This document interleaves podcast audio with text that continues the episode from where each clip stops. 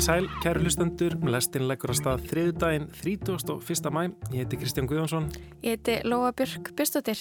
Í dag í lestinni ætlum við að fjalla um dragparti á stóra sviðinu, kökumótbælni og ælupest eina prósentsins. Já, hópur af miljardamæringum, ólíkörkum og ofur fyrirsætum fer saman út á luxusnekju. Þau eru yfirborsleg, ógeðfeld og umgunarverð og svo æla allir á alla. Einhvern veginn þannig væri kannski hægt að lýsa söguþræði bíómyndarinnar Triangle of Sadness sem hlaut aðalvelunin á kvikmyndaháttíðin í kannum helgina.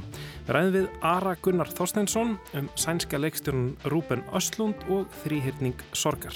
Þetta er rosalega svona Bertolt Brecht eh, pælingar þegar kemur að, að dramatík. Ekki, ekki að þú mátt aldrei bara svona slappa af í sætinu og, og njóta sögunar.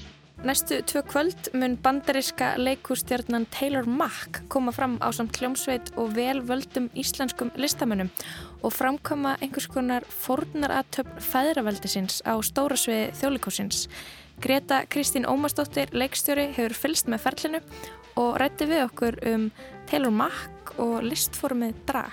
Að því að drag er heldur ekki bara, þú veist, ég minna, jú, það er, það er pólitist í eðlisínu og, og getur verið mjög rótækt og og, og einhver svona hortsteinn, einhver svona hinsegin aktivisma vissulega en það er líka bara það er líka bara gaman og það er líka bara sjó og það er líka bara hæfileikar og, og hérna og lífsgleði og leikleði sem ríkir þú veist og það má líka vera.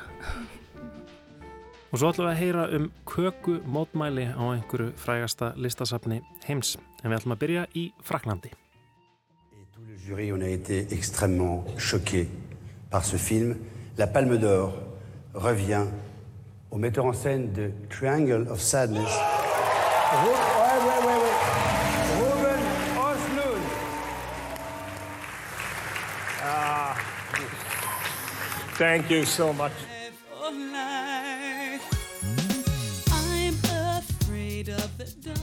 Kvikmyndaháttíðin í Cannes laug núna um helgina og var að venju tilkynntum þá mynd sem að liti aðalvölun háttíðarinnar Gull Pálmann.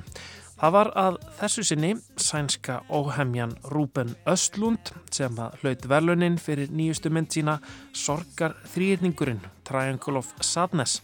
Satíru sem gerist í heimi hérna ofur ríku og ofur fallegu, tískubransanum og að luxusnekju miljardamæringa. Actually, I can say it's Marxist theories that I want to talk about. Uh, that's the reason that I wanted to present it in Cannes also. Um, I wanted to criticize the, the social group that I'm connected to, and um, I wanted to ask myself questions about ethics and moral and, and look at my own behavior. Rúben Östlund hefur á undarförnum áratug stimplað sig inn sem einhver óheflaðasti kvikmynda höfundur Evrópu. Hann er fættur árið 1978 og fór heldur óhefbundna leið inn í kvikmyndagerðina. Hann fekk vinnu á skíðahóteli í Ölbónum eftir mentaskóla og byrjaði þar að taka upp skíða og snjóbrettamindbönd fyrir vini sína. Þessar myndir notaði hann svo í umsókn sína í kvikmyndaskóla. Fyrstu tvær myndirnar voru litlar og sérvirkulegar og vöktu kannski ekki mikla aðtegli utan landsteinana en það var þriðja myndin, leikur, play, sem hlaut kvikmyndaverlun Norðurlandaráðs en skipti áhörundum algjörlega í tvo hópa.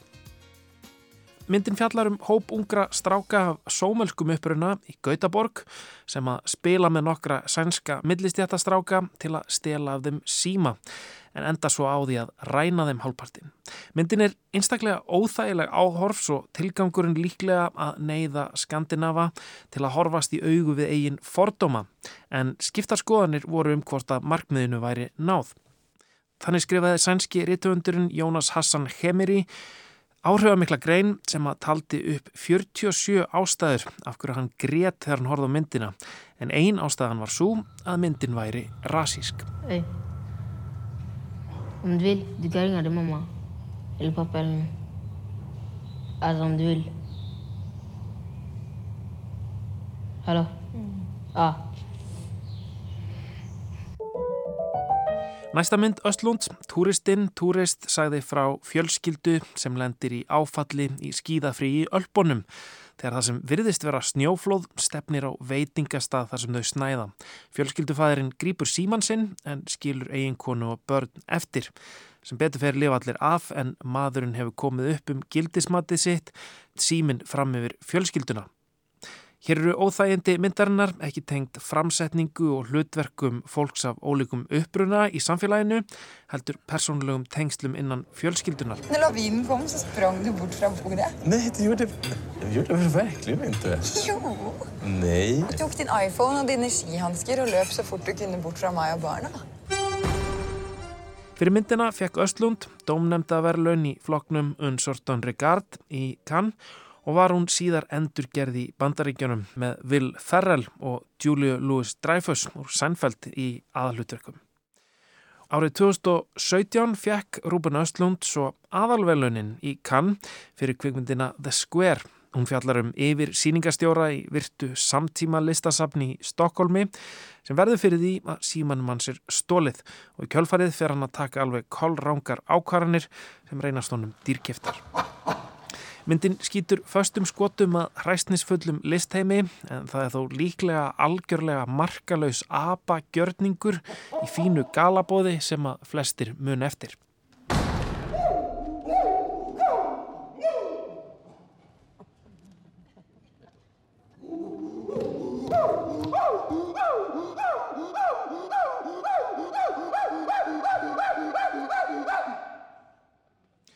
Og nú í sinni sjöttu mynd beinir Rúben Östlund sjónum sínum að tísku bransanum og heimi hérna ofur ríku í sorgar þrýðningnum og ennu aftur lítur hann náð fyrir augum domnefndar meðlema í Cannes.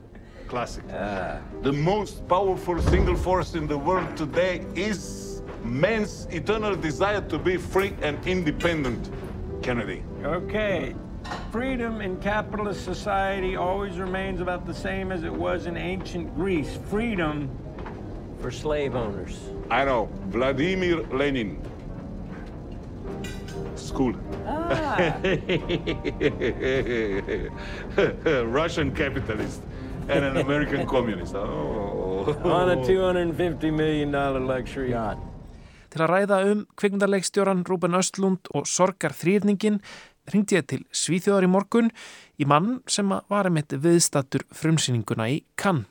Já, ég heiti Ari Gunnar Þorsteinsson og ég vinn eh, fyrir félagsamtökin Folkets hús og parker í Svíþjóð sem að rekur um 150, eh, raunir raunir svolítið eins og svona samkomhús eh, kringum gerafalla Svíþjóð og mörg þeirra eru með sína kvikmyndir. Það er allt frá því að vera kvikmyndhús sem eru með þrjá sali og sína myndir á hverjum degi til að vera einhver hlaða, einhver starf, einhver smábæ sem sýnir myndir um helgar uh, fyrir börn og fullona uh, og ég uh, hjálpa kvikmyndahúsum að velja hvað þeir eiga að sína og, og hvernig eiga að vinna með kvikmyndirnar, hjálpa þeim við að bóka og skipulegg námskeið og, og allt svo leiðis fyrir, fyrir kvikmyndahúsum. Já, vá, hvernig, hérna, hvernig enda maður í, í, í svona starfi? það er góð spurning, ég veit það ekki alveg sjálfur. Ég hérna, lærði kvikmyndafræði í, í Svíþjóð og fór svo að vinna hjá ólíkum kvikmyndaháttíðum uh, í Svíþjóð og fekk svo lóks vinnu hjá dreifingaraðila og var að vinna við að dreifa arthouse-myndum um, um Norðurlöndin, var að vinna svolítið með Bíóparadís á Íslandi en einni öðrum dreifið aðlum í, á hinnum Norðurlöndunum. Og svo vann ég þá mikið með kvikmyndahúsunum sem að hérna, fólk getur svo parker vinnu með. Og þegar ég var komið tími til að finna mér eitthvað annað að gera þá var laus staða hér og nú sitt ég hér. Einmitt. En þá að Rúben Östlund. Ari Gunnar segir að nokkuð langt sé síðan hann sjálfur kynntist myndum Östlunds en í upphafi hafa hann verið fullur efasemda. Ég, ég, ég, sko, ég verða að viðkjanna að mín fyrstu kynna af, af Rúben Östlund voru fyrir eitthvað slæm uh, að þegar ég hérna, sá mynd hans frá 2012 sem heitir Play uh, eftir að hún hafi verið frumsynd í Svíþjóð og var verið mjög umdeilt þannig að maður, ég kannski fór inn svolítið með, að sjá hana með uh, kannski ekki jákvæðum augum af því að það var margt sem að mér fannst að virka svolítið skrítið við þá mynd og, og, og ég sá hana líka í, í, í námi. Þannig, þannig að myndin var svolítið nótu til umræðu. Þannig að ég var svona kom inn svolítið kannski neikvæður og það er rosalega erfið mynd. Um fjallar um hérna, svona hvernig það verða til konfliktar milli krakka frá svona millistjætt svíþjóðar og krakka frá uh, hérna, útkrónum og, og svo mynd var ásöku fyrir að vera mjög rassísk af, af mörgum uh, sænskum pennum sem ekki kannski eru með hérna, hafa ekki sænskan bakgrunn þannig að þetta varður rosalega svona, það var rosalega svona spennt uh, andrumsloft í kringum þá mynd. Síðan þá hefur hann svona kannski miðað sínum gleru meira á sinn eigin um, menningarheim, getur maður sagt, uh, í turist uh, eða force majeure eins og hér öðrum löndum. Þá er hann að skoða í raun og veru sambönd karla og hvenna í, í í einmitt svona efri millistjætt svíþjóðar og í The Square myndin sem hann vann Guldpálmann eh, 2000 og hvað var það, 17 þar er hann að skoða listaheiminn sem er náttúrulega heimur sem hann þekkir mjög vel kannski frá aðeins öðrum sjónarhóli eh, og hér er hann að skoða hérna tísku og influencer heiminn og, og í raun og veru heim þeirra ríka sem er, er líka mjög, maður sér rosalega skipt þegar maður er í kann allar, allar snekkjurnar og engaflugurnar þannig að þetta er hann, hann hefur verið, hann hefur fært sig frá kannski meira svona erfiðri ádeli yfir því að vera meiri svona kannski grínisti um sín eigin, eigin um, menningarheim. uh, en þannig að mér finnst, finnst svo breyting hafa verið svolítið áhugaverð en ég held að hann sé meðvitað og ómeðvitað kannski, hann vil alltaf augra en hann er að reyna að augra á hátt sem ekki við ykkur sama sem er neikvæðu umræðu Ari segir að ákveðin höfundarenginni Östlunds hafi komið fram strax í fyrstu myndumans, meiri áherslu á sterk eftirminnileg og ekki síst óþægileg atriði fyrir ekkar en endirlega persónusköpun og söguþráð.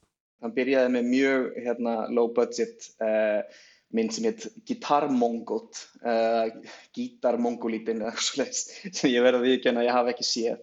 Uh, og svo þar á eftir kom myndin involuntary, sem hún hétt á ennsku, eða the ófrívilja uh, á sænsku, sem var svolítið svona sketsjamynd og það, það hefur svolítið svona lítið hans aðferða kvikmynd að gera alltaf tíð, að hann hugsa miklu meira um atriði og um senur meira heldur en struktúr og, og, og svona heilsteiðan söguþráð. Uh, það snýst alltaf um það að gera atriðið eins áhugavert og hægt er. Og það hefur sín að kosta galla, hann er rosalega góður í því að gera sterk atrið sem að mann vel eftir en, en, en kannski uh, personurnar og sögurþræðurinn er ekki eitthvað sem sýtur eftir uh, og þessi aðferð kemur svolítið, hann alltaf hefur verið miklum áhrifum uh, frá Roy Andersson, öðrum sænskum leikstjóra sem er mitt líka gerir myndir sem eru fyrst og fremst uh, sagðar í stuttum sjálfstæðum atriðum. Og líka framlegandunum Kalle Bóman sem vann mikið með Rói Andersson og vinnur mikið með honum og Ruben Östlund og var fyrsti einstaklingurinn sem hann þakkaði í þakkaræði sinni núna í, í, í Cannes. Að það er kannski svo manneski sem hefur haft mest áhrif á hans kvíkundagerð þannig að það maður segja að það sé bakgrunnurinn og hann, hann stílinn allavega svona í, í play og, og, og turist var og svona hefur mér alltaf fundist rosa undir áhrifum þessara evrósku kvikmyndagerðamanna sem voru upp á því besta kannski í lók tíunda áratúr eins og, og fyrsta áratúr þessar aldar eins og Mikael Haneke og svona, svona, svona svolítið kallt og, og, og svolítið svona markþrungið andrumsloft en, en hann hefur alltaf haft meiri áhuga því að svona pota í, í áhörönduna og að láta þeim líða, setja sér í spór personuna og hvað myndir þú gera og hvernig myndir þú um, höndla þessar aðstæðir. Þetta er rosalega svona, rosalega svona Bertolt Brecht uh, pælingar þegar kemur að, að dramatík. E, ekki, ekki að þú mátt aldrei bara svona slappa af í sætinu og, og njóta sögunar. En þá að sigurmyndinni á Cannes 2022 Sorgar þrýningurinn, Triangle of Sadness, titillin vísa í svæði rétt fyrir ofan augabrúnirnar sem ber þetta heiti meðal tísku ljósmyndara Og já, það er einmitt glansmyndir tískubransans og snertiflötur hans við heim ofur ríka fólksins sem er viðfóngsefni myndarinnar. Can you relax your triangle of sadness? That's like between your eyebrows here. Okay. A little bit more. Okay. And open your mouth so you look a little bit more available. Okay, not that much, a little bit less. Sko, hún fjallar um uh, í upphafi að karlmódel sem á í sambandi við, anna, við konu sem líka er mótel og, og það verður strax svona ójafnvægi þeirra sambandi. Uh, hún er, uh, þetta, þetta er brannstæða sem að konur græða meira heldur en kartmenn og það strax stuðar þannan mann rosalega mikið og, og fyrsti hluti myndarinn var fjalla svolítið um þá dýnamík. Síðan erum við færði yfir í ótrúlega luxus snekju þar sem þau hafa fengið ókipis miða í gegnum hennar status sem influencer. Um, og þar kynnist við öllum þessu, öllu þessu ríka fólki. Þetta er allt frá rúsneskum ólíkörkum sem að urðu ríkir í gegnum að selja uh, áburð eða eins og hann segir sjálfur I am the king of shit. Það er það sem hann hefur komið á markaðin um, og, og svo líka ja, mjög indælt brest par sem að maður síðan kennst að hafa verið að selja uh, vopn. Þannig að þetta eru kannski svolítið einföld skotmörk sem hann, sem hann er að setja upp en, en, en hérna að hann gerir það samt uh, ótrúlega vel, veist, það er rosalega fyndin upplifun að sjá myndir svo þessa uh, á einmitt uh, frumsýningunni kann allir klættir í sitt fínasta pús og, og stór hluti af áhrættahopnum myndir maður áætla tilheri þessu eina prósendi en svo eru allir að öskra hlátri yfir, yfir ádilunni. Þannig að hérna þetta á margan hátt ekki skila okkur þessi mynd vann að því að ef maður horfir á þær myndir sem voru í keppinu þá er þetta kannski svona ég myndi ekki segja að þetta hefði verið besta myndin sem ég sá í kann langt í frá en, en þetta er allavega svona mynd sem svona kannski sítur mest í manni og er myndin sem allir vildu tala um. Þú veist, maður sá kannski aðra mynd sem var betri og fólk veið, já hún var rosalega góð, ég er alveg sammála en þetta atrið í Triangle of Sadness, það var alveg rosalegt uh, og svo kastar hann, kastar hann þessu öll á kvolv í, í síðasta hluta myndarinnar. Það er kannski ósengjant að ræða það eitthvað í smáatriðum en, en, en hérna, eins og hann gerir alltaf að byggja hann upp eitthvað til þess að rýfa það niður. Og hann byggir upp uh, eina afstöðu og, og svo kemur einhver önnur og svo mætast þær og, og, og hvað gerist þá? Það, það er einhvern veginn grunnurinn í allir hans kvíkmyndagerð Myndin hefur lotið mjög misafnar viðtökur gaggrínanda en áhöröndur í kann virtust vera hrifnir standandi lóatak í átta mínútur eftir myndina. Ég veit reyndar ekki alveg hver var með skeiðklukuna á lofti en ég sá þessari tölu skoti fram einhver staðar. Because people were applauding during like it was a football game someone told me. It was a football game going on and when uh, Dolly's character is like taking over the control they're like yeah you know, like, uh, so and And, and this is the goal with the movies that we are going to make in the future also. We are combining the best part of the European cinema, that is intellectual, that is trying to say something about society, with the best part of the American cinema, that is like, okay, if we don't make this film successful, we don't have any job anymore, and we can't support our children, and they can't go to college, you know, like, this, this two kind of pressure, and really create cinema that makes it like, fucking, I want to go to the cinema. Mm. Applaud! Já, á bladamannafundi í Cannes saði Rúbin Östlund að markmiði væri að blanda saman evróskri kvikmyndagerð sem að höfðar til vitsmunana og reynir að segja eitthvað um samfélagið og svo því besta úr bandarískri kvikmyndagerð þar sem markmiði sé fyrst og fremst að fá fólk í bíó, fá fólk til þess að mæta og horfa. Yeah, we are all equal. Mm.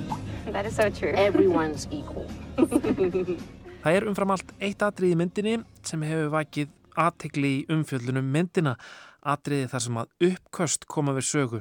Meiri uppköst en áður hafa sérst í kvikmynd er okkur sagt, alveg þannig að BBC veldi því upp hvort að hér veri komin ógeðslegasta mynd ársins 2022. Ég spyr Ara af hverju hann telli þetta atriði vera svo mikið til umræðu. Af því að þetta er í margarnátt hápunktu myndarinnar. Uh, og er svona, hann er, hann, maður getur orðið þreyttur á Rúbin Östlund reyndar áður en hann gerir myndirnar þegar hann talar um þessi stórslutnu atriði sem hann ætlar að gera langt áður en að, áður en að myndin kemur út. Og hann var búin að tala um að þessari mynd verður ælu atriði sem enginn, sem verður stærra og, og ótrúlega en nokkur hefur ekki getað ímyndað sér. Og, og það er vissulega satt eh, um borð í bátnum eins og gerist ekki gæst í bátum er, er vond veður og út af mörgum ólíkum faktorum þá verða, verða hérna, farþegarnir ótrúlega veikir og, og, og það brítur náttúrulega upp einhvern veginn verða allir á, á hérna, jöfnum grundvelli þegar það kemur að, að þörfum líkamanns þannig að hérna, þetta er þetta er eitthvað sem að þú hefur ekki séð áður í kvikmyndahúsi og ég held ekki að þú, þú, við sem að tala um það núna þetta mun samt koma óvart þegar þú sittir í salunum hversu langt hann fengum fyrir með þetta og, og, og hvernig svo þau, þau atrið enda uh, þannig að ég hérna, það er algjörlega, algjörlega hápunktu myndarinnar alveg eins og um, snjóflóðsatriði var hápunktur force majeure og, og apa-atriði var kannski hápunktur the square, hann byggir myndirnar í kringum svona sekvensu sem að verður einhvern veginn kjarnar, kjarnar málhans. Ari segir að samtalið í Svíþjóð um myndina sé kannski ekki alveg komið í gang. Fyrstu viðbröð séu aðalega stolt yfir því að sænsk mynd hljóti þessi virtu verlun. Það hefur verið allir gangur á því sko. Það, hérna, það eru, þeir hérna, gaggrinendur sem að sá hana, margir hverjir eru alveg sem íslendingar erum svolítið litar að því þegar einhver íslensk mynd gengur vel þá verður maður litar að því að, að þetta er sænsk mynd sem að gengur rosalega vel og, og, og það er kannski enginn sem að mjög aktíft hefur komið út um, gegnum myndinni, ég held að allir séu svolítið að býða eftir því að hún verði frumsýnt til þess að koma með einhverja sterkast skoðanir. Uh, meira bara almenn gleði yfir því að myndi skildi hafa unnið.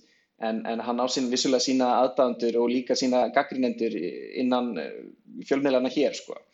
uh, hann, hann hérna, það er svolítið erfitt að segja það, mér finnst ég ekki að hafa fengið sko tónin hérna í Svíþjóð en, en, en, en Erlendi séum að sé að þetta er, það er mjög skipta skoðanir með myndina. Uh, Guardian á til að mynda mjög neikvæðu um myndina og, og gott ef það voru rætt í þóttu þetta ekki verið að versta mynda hann synga til en samt sem áður það það er einhvern veginn svona óumneitanlegt að þetta er, hann næri einhvern veginn að, að, að skjóta beint í mark þegar kemur að, að bara svona tilfinningum áhörendana. Og beint í mark skýtur hann en einu sinni er Rúben Östlund verlunaður fyrir yfirgengilega og óþægilega satíru og hefur hratt og örglega stimplað sig inn sem einhver óheflaðasti kvikmynda höfundur Evrópu. Já það er náttúrulega erfitt, það er náttúrulega ótrúlega hérna, magnað að geta einhvern veginn bæði verið einhvers konar svona enfant terrible sem að vil hérna, benda allt sem er að en samt sem að það er líka eiga sess innan hérna, þess að svona fína og fallega heims uh, hérna, kann og þessari kvikmyndhátti þannig að þetta er ákveðin leikur sem hann er að leika mjög vel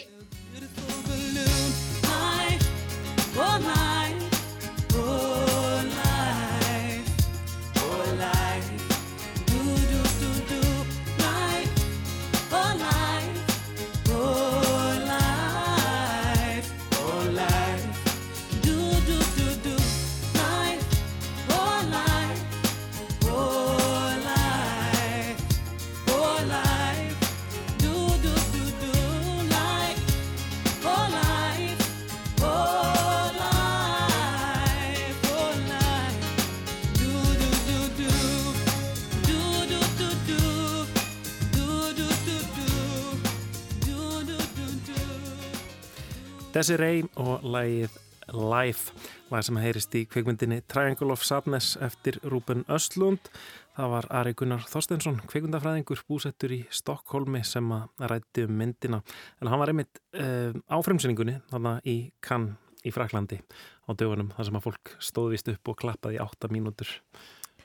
Emmitt, fyrir þarna fyrir fólki sem var eitthvað æla og luxusnækki Það mitt svona svolítið svona að verið gaggrínt sko hvað þetta sé svona kannski, hvað ég var að segja yfirborsleg gaggríni og, og þetta sé svona, kannski kom ekki beinta óvart einhvern veginn að, að kenna hérna vonda ríka fólkinu einhvern veginn um, um hvað, hvað heimurinn sé slæmur. Æ, er það samt ekki þeim að kenna. Það er eiginlega smá eitthvað mistilega skrítnar að láta eins og það sé ekki þeim að kenna eins og það sé eitthvað flóknar á baki. Nákvæmlega. og getur svona eins og eitthvað svona langt gengið succession eins og það sem að vonað að myndi alltaf gerast í succession. Eitthvað fara að æla og kúka á sig og eitthvað hræðilegt myndi gerast. En uh, já það eru fleiri fleiri hlutir að gerast í Fraklandi Já.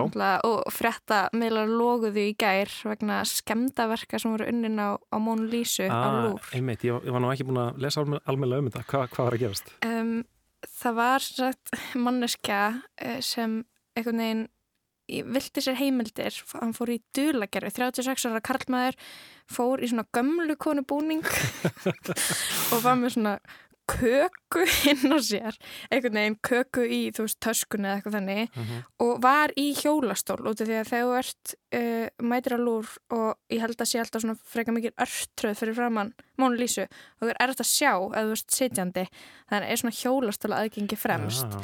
þannig að þessi 36 ára gamli maður sem er franskur hérna fer fremst þannig í hjólastólsveðið stendur sér upp, tekur kökuna og svona skellir henni framann í Mónu Lísu og svo einmitt segir hann eitthvað svona uh, og svona og, eins og svona trúða hérna, Já. eitthvað svona kasta köku í Já, andlitið eins og á okkur. svona Já. sirkusatriði og þetta er sko þetta eru sko umhverfisvendar mótmæli og eitthvað svona hann, þetta er svona ákall til listamanna að hugsa um umhverfið og, og, og þarna að eitthvað svona uh, allir listamenni að hugsa um umhverfið og jörðin er að deyja og þegar þau hugsa um það hann, segir hann eitthvað á fransku og svo er hann eitthvað neginn uh, náttúrulega tekið niður á öryggisvörðum og nú er hann vist komin inn í eitthvað skonar e- eitthvað skonar geðdelt á sjúkrási Ah, ok, og hefur verið eitthvað þannig en mér finnst bara alltaf gott þegar fólk fyrir búning.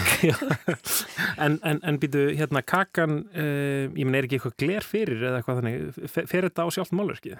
Uh, nei, þetta fór bara á þetta skothelda gler sem var einmitt sko uh, það var settur glerkassi utanum, utanum málverki eftir að það var ykkur sem hendi árið 1956 hendi ykkur stein í málverkið og svo uh, fyrir nokkrum árum hend, hendi rúsnesk kona tebolla í múnlýsu þannig að fólk er ofta að reyna að henda ykkur í hana Einmitt. Sko ég, ég hef farið uh, tvisar á lúfr og ég held með minnir eiginlega í hvort skipti hafi ég nefnt að fara þarna inn. Þú verður ekki farið einn svona að reynda að sjá hana? Nei, af því að þetta er í svona sérherbyggi og það er svo rosalega mikið af fólki þarna. Mm. og ég hef séð hana svona að því ég er nú kannski svona frekar hávaksinn eða þannig svona uh, allavega í meðalhætt þannig að ég er svona, hef náða að sjá svona aðeins yfir, yfir fólkið sko. Mm. en ég hef ekki nefnt að fara svona alveg upp að henni. Veginn bara, Nei, einmitt, en, en sko veist, ég sá bara einhvern veginn á netinu að fólk var alveg, veist, þetta vakt alveg tilfinningilega viðbröð, sko, þó að ekkert hafi komið fyrir hana, þó að þetta hefði bara farið á glerið bara kakan á glerið, það var einhvern veginn nóg til þess að fólk hafi einhvern veginn stressast upp Mhm. bara ég held að sé einhvern veginn eiginlega þú veist, þótt þú veitir einhvern veginn spáir eiginlega ekkert mikið í myndlist þá veist það er einhvern veginn verið að versta í heimi ef að Mona Lisa verið allir að sjá fyrir sér bara Mr. Bean atrið það sem að hann er að mála myndina, lagana. Já, hann eiðilegur þarna einhverja mynd og, og, og lagar hana. Já. Einmitt. en hérna, en, en þessi þessi ungi maður eða, ok, ungi maður. Jafnaldri minn, hérna sem að klæði sig upp sem, sem gömul kona og hendir köku á Mónu Lísu fyrir náttúruvernd og fyrir jörðina sko, er hann hluta einhverjum samtökum eða er þetta bara svona tókan upp á þessu það hefur, einstæmi? ekki komið fram sko, hann, hann verðist vera að bara standi í þessu eitt sko. Mm en, en sko ég veit það ekki, er, er þetta nöðsynlegt ákall nákvæmlega núna, ég svona mér, mér finnst í rauninni að allur listheimurinn nánast snúast um þetta í dag að búa til listir sem veginn takast á við loslaðsbreytingar og, og, og náttúruvernd og eitthvað svo leiðis og eitt svo kannski má velta fyrir sér hvort að listheimurinn sé um, það megi kólefnis jafna hann betur sko, en, en þetta er samt eitthvað svona viðfónsefni sem að nánast allir listamenn er að pæla í. Já, þannig að þetta er svona uh, ég veit ekki alveg til eða sko hvort að mótmælin einhvern veginn hafi mikinn slagkraft sko. Nei, en sko það sem þetta er náttúrulega að, að hlaupa þannig fyrir framann Mónu Lísu er eiginlega bara svona eins og að fara upp á svið á Eurovision eða strýpa yfir fókbaltaleg. Þetta er eiginlega bara svona því að það er bókstala allir að horfa og því að það eru svona einhvern veginn þúsund símar á lofti þá held ég að þú fáir ekki aðtikli Mhm. hraðar nema að hlaupa bókstalinn í beina útsendingu. einmitt, það er þetta alveg rétt En hann var í drægi sem, þarna, sem er svona fýtt ingangur í, í, í næsta viðfórsafni þáttarins. það var mjög snjált það ekki? Já. Uh, jú, ég fór uh, nýri þjóðleikús og listaháttíð hefst á morgun, listaháttíð er ekki hefst á morgun og, og, og opnar með svakalegu dragpartíi á stóra sviði er nú ekki oft sem að drag er á stóra sviðinu, allavega ekki hérna á Íslandi. Nei, einmitt Það gerist örsjaldan. Ég hitt hana Gretu Kristín Ómarsdóttir sem er dramaturg og leikstjóri og afar fróð um drag og uh, allt sem því tengist. Ég, hún er búin að vera að fylgjast náu með uh, uppsetningunni á og undirbúningunum fyrir uh, síningarnar sem verður bara tvær og ég fór að hitta hana og við spilluðum aðeins um Taylor Mack og drag.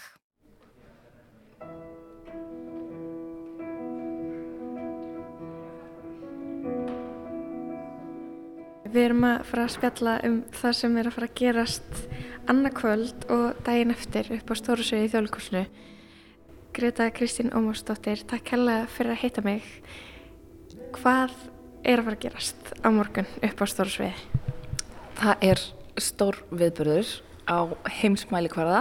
Um, Taylor Mack og Hljómsveit eru, þau eru komin til landsins og eru sérst opnunar viðbörður listaháttíðar þetta árið og eru í samstarfi okkar hérna í þjóðlikursinu og þetta er sem sagt sviðslista viðbörður í formi tónleika og er brot af risa síningu sem að Taylor og þessi hópur gerðu í New York 2015 og hafa síðan verið að túra út um allan heim. Uh, og þetta er brot af verki sem að kallast 24 Decade History of Popular Music 24 klukkustunda langt verk sem spannar sögu vinsældalista tónlistar uh, í bandaríkjunum frá stopnun bandaríkjana 1776 minnum mig mm -hmm.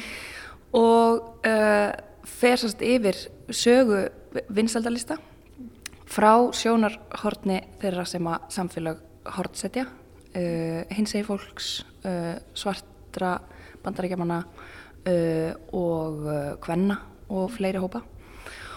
Og þetta er sagt, um, blandar saman öllum skemmtilegustu sviðslistaformanum þetta eru uh, alveg stórbrotni tónleikar með frábæri tónlistafólki. Matt Ray fer þar fremstur í flokki.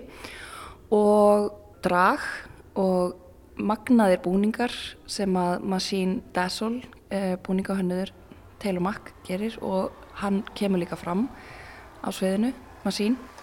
We are making a 24 decade history of popular music. It is a radical theory, a realness, a ritual. Sacrifice. Here we go!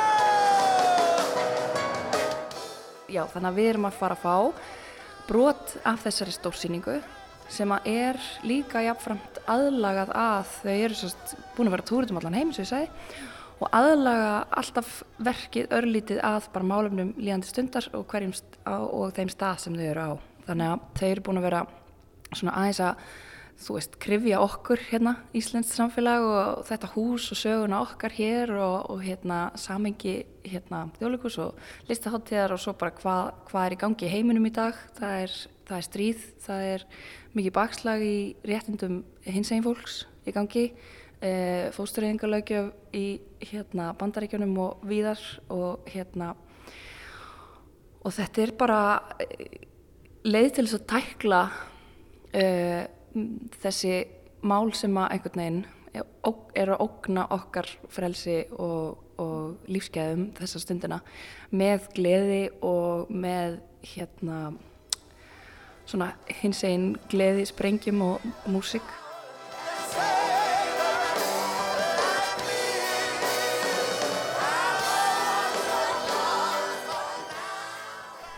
Þú, uh, Taylor Mack aðdáðandi, hefur þú séðan á sviði áður?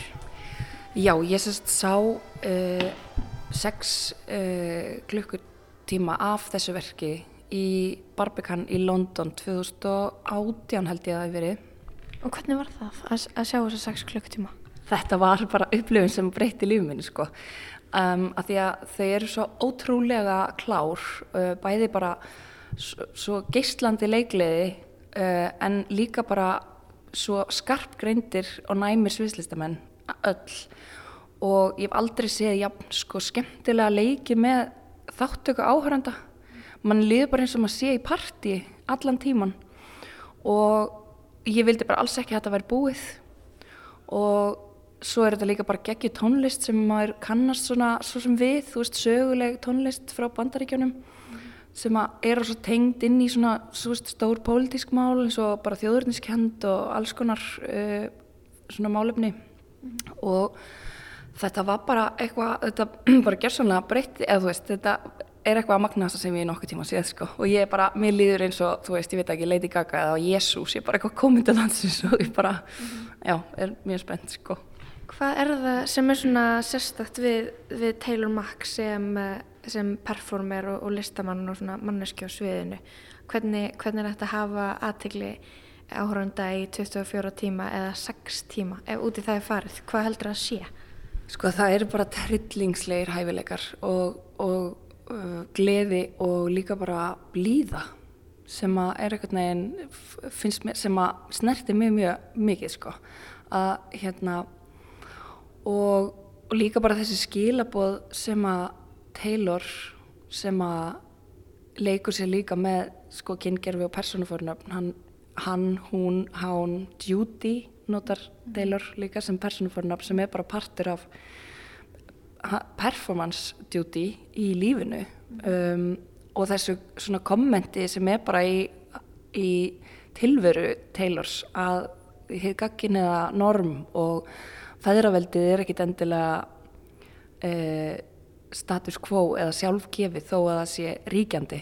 Og Taylor bara fylgir einhverjum öðrum lögmálum og það er bara ótrúlega hillandi, ógæðslega hérna, inspirerandi að sjá mannesku lifa þetta.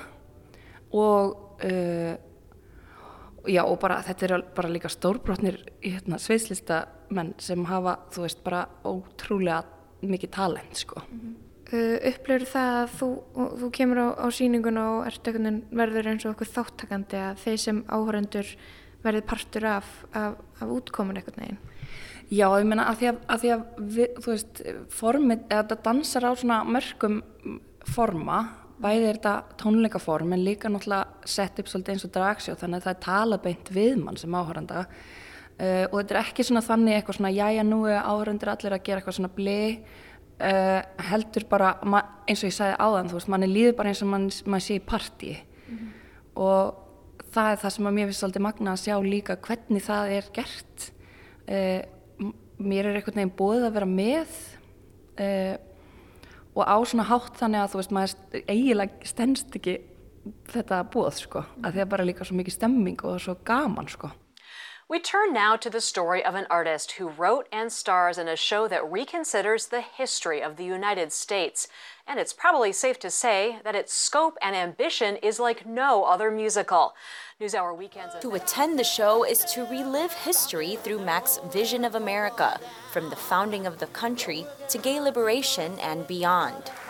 So it's 1776. The big question uh, is how do we build ourselves while at the same time we're being torn apart?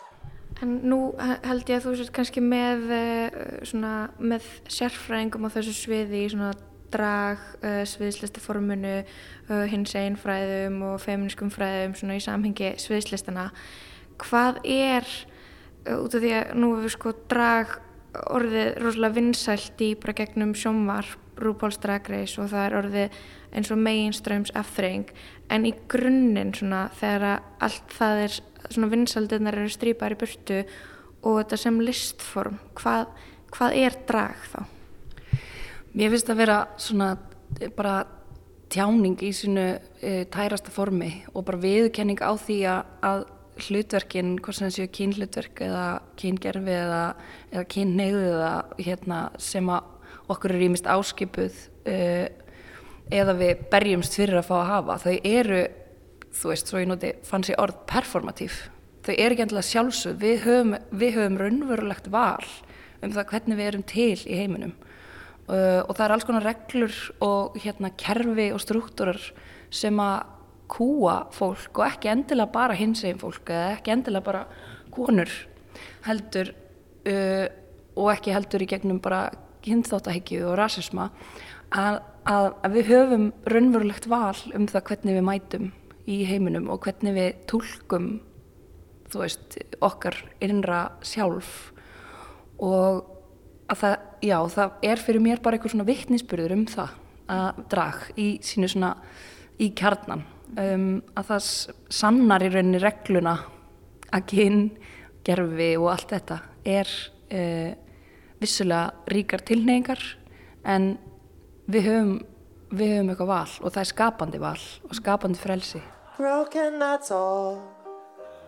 Just like my heart, love, after the ball. Yeah, get up! After the ball is over, after the break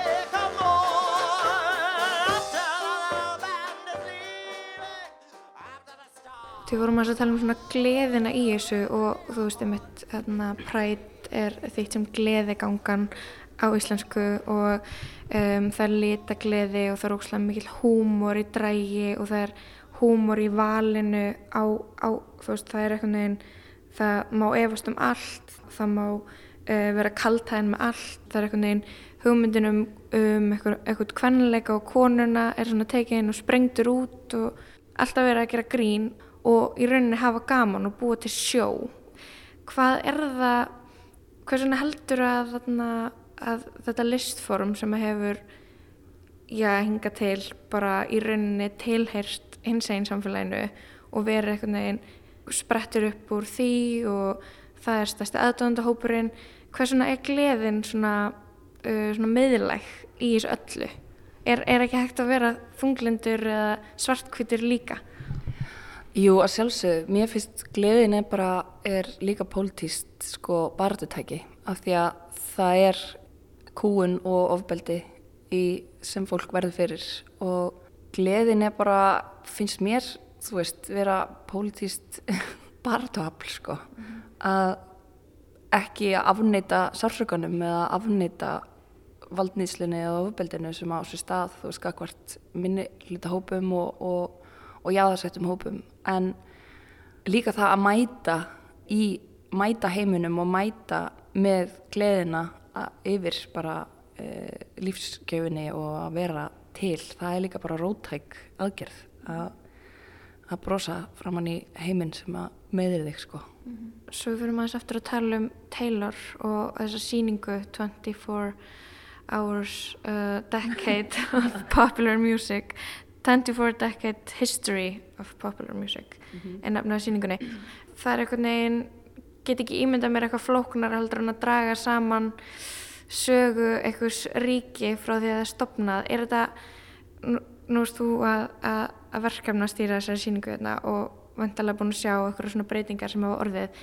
Þú veist, er þetta, er þetta svona sagfræðileg rannsókn eða er auðvitað að nota ímyndunaraflið og skrifa inn í eigðurnar þar sem að við rauninni vitum ekki hvar voru samkynniðir íbúður bandaríkjana þegar þetta verið í gangi mm. eða þú veist, þeir sem er, sagan er ekki skrifið um þarf ekki að einhvern veginn vera einhver sagfræðingur til þess að, mm -hmm. til þess að finna þessar heimildir Jú, ég meina Taylor er með sko bara dramaturka teimi og listrænt teimi sem kemur að, veist, sköpun síningarinnar uppránulega og hún er uh, sagfræðilega, þú veist, hún er alluta til, jú, sagfræði rannsókn á þessum hópum sem að skortir við slægi, kannski svona kanoniseraðar sögubækur. Og Taylor er náttúrulega líka bara alveg bráðgreind mannskja mark verleunað leikskald uh, leikstjóri. Og það er náttúrulega líka þekking sem hefur varðvist inn í hins eginn samfélagunum í gegnum árin sem er kannski bara svona geimist á í svona í munmalum og, og, og sögum sko. Uh, þó það sé kannski ekki endilega búin að bú, búið að skrásetja hana alla í þaula og setja hana á, á bókusöfnin sko þá er hún samt, þannig er þekking sem er til. Uh, og það var, ég minna Taylor lýsir því að, að þau hafi unnið þetta síðan í rauninni hvað í San Francisco 1980 eitthvað, þú veist að þá hefst vinnan við síninguna sko. Um, þannig að þetta er alveg mjög viðamiklar svona viðamiklar rannsóknarvinna sem hefur farið í þetta. Uh, en eins og núna þá eru þau líka að velja eins og ég sagði áðan, þú veist þau velja eitthvað nákvæmlega svona fókuspunkt í, í að hverju sinni svona kannski dramaturgist. Og núna eru þau bara að fókusera á hérna feðraveldi og það sem við munum fá að sjá fyrsta júni er í rauninni fórnar aðtöfn feðraveldisins. Af því að þetta er náttúrulega líka sögurskoðunar hérna, þú veist, við erum að skoða söguna og, og það er hægt að horfa það frá sjónarhörni að sjá að feðraveldi sé í miðinu á því og, og, og það sé í rauninni það sem að er að valda öllum núningnum. Þannig að það er svona fókuspunkturinn núna.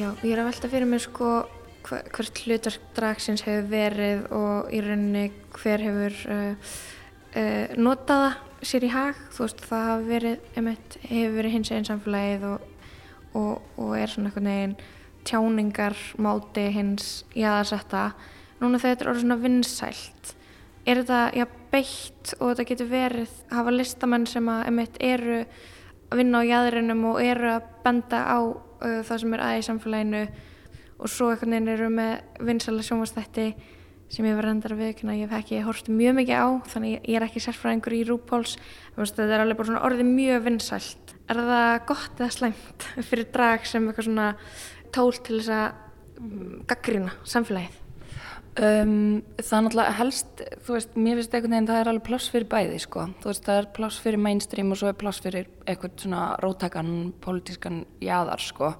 Mér finnst það algjörlega, ég fagna því að, þetta sé orðið, sko, aðgengilegra eða fyrir miklu stærri hópa fólki og að það sé ekki lengur, sko, fjárstæðukent eða bara eitthvað svona karnivalskur brandari að sjá kallmann fara í kjól.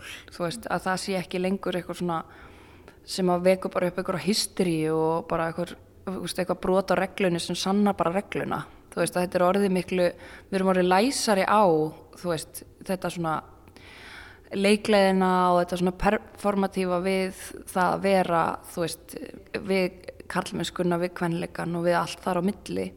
Og ég fagna því, þú veist, að þetta sé einhvern veginn komið meira inn í meginströmin en ég held að sé alveg pláss fyrir bæði, sko, ég minna það er alveg ennþá rótækar reyfingar í gangi með mismunandi drag, sko, og, og bara kínustla í rauninni sem bara Uh, sem er ekki endilega bara eitthvað inn á skemmtistöðum eða í, í sjónvarpinu eða í leikúsum eða eitthvað heldur líka bara uh, á göttumúti þú veist bara í aktivisma og bara líka sumt bara hvernig sumt fólk er til í heiminum.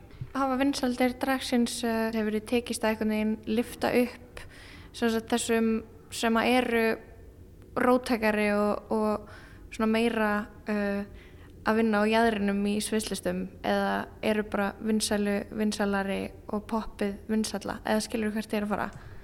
Um, já, ég veit það ekki. Ég bara,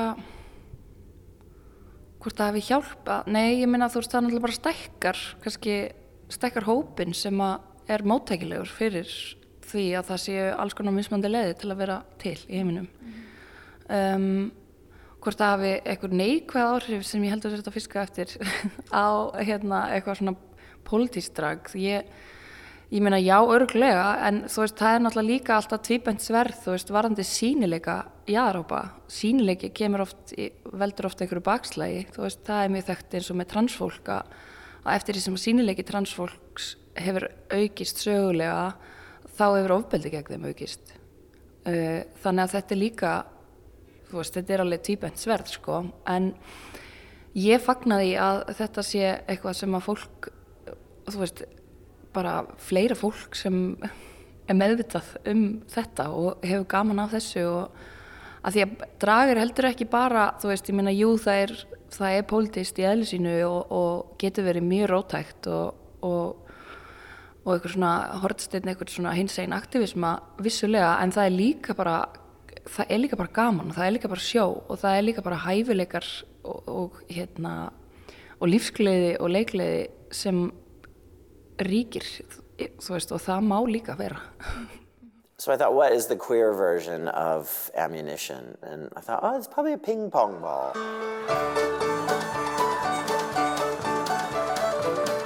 Growing up in Stockton, California, Mac never saw LGBTQ people represented in the story of the United States. My boyfriend can attest. I did rehearse. I tried. I did try. 'Cause I tried to his uh, great annoyance, but um, and the neighbors, you know, the neighbors pounding on the thin walls. Shut up with that song, that Patti Smith song. We they want perfection on the other side of the walls. I'm not gonna give it to them. So this song. Uh, í svona drag heiminum eða í sviðslista heiminum hversu stór er Taylor Mack? Er, við, er þetta bara stórstjarnan dragsins sem er að fara að koma fram?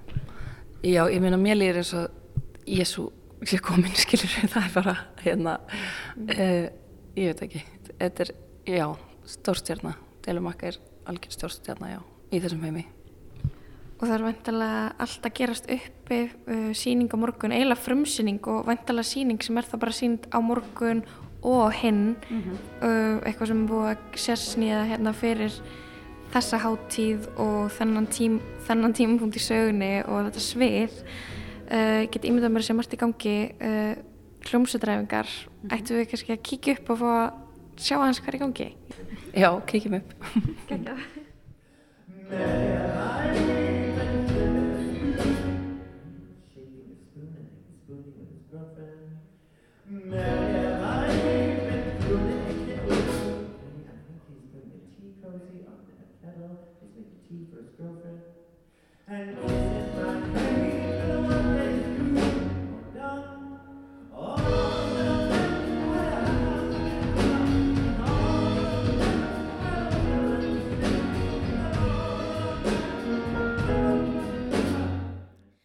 Já, þarna erum við smá upptöku af æfingu hjá Taylor Mack og hljómsveit hans sem mun stíga á svið í þjóðleikósinu á stóra sviðinu á morgun opnunar, opnunar viðböru listaháttíðar. Einmitt, listahátti í Reykjavík eh, fer fram núna svona í hefbundinni mynd í, Fyrst skipti í hvað, tvö ár? já, eða ekki einhvers leys, þetta er náttúrulega orðið á tveggjar og fresti þannig að þetta er eiginlega orðið svona tvíæringur þannig að, eh, já, fyrst skipti í tvö ár.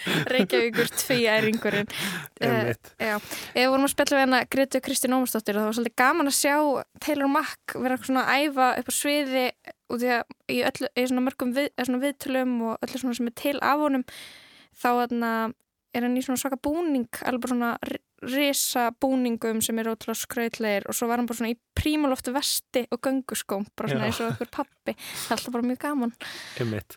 Já, listaháttíð sem sagt byrjar á, á morgun og, og stendur yfir næstu vikunar. Það er nógum að vera. Við munum fjalla, fjalla um þetta eh, hér í, í menningaþáttum Rásar 1. Eh, ég veit að, að við sjá alltaf að vera með gaggríni að rýna í hérna, Taylor Mack sýninguna þannig að eh, við bara bendum á hvað sem og hlusta alltaf á viðsjá eins og, eins og allt almennilegt menningarfólk á þetta að gera.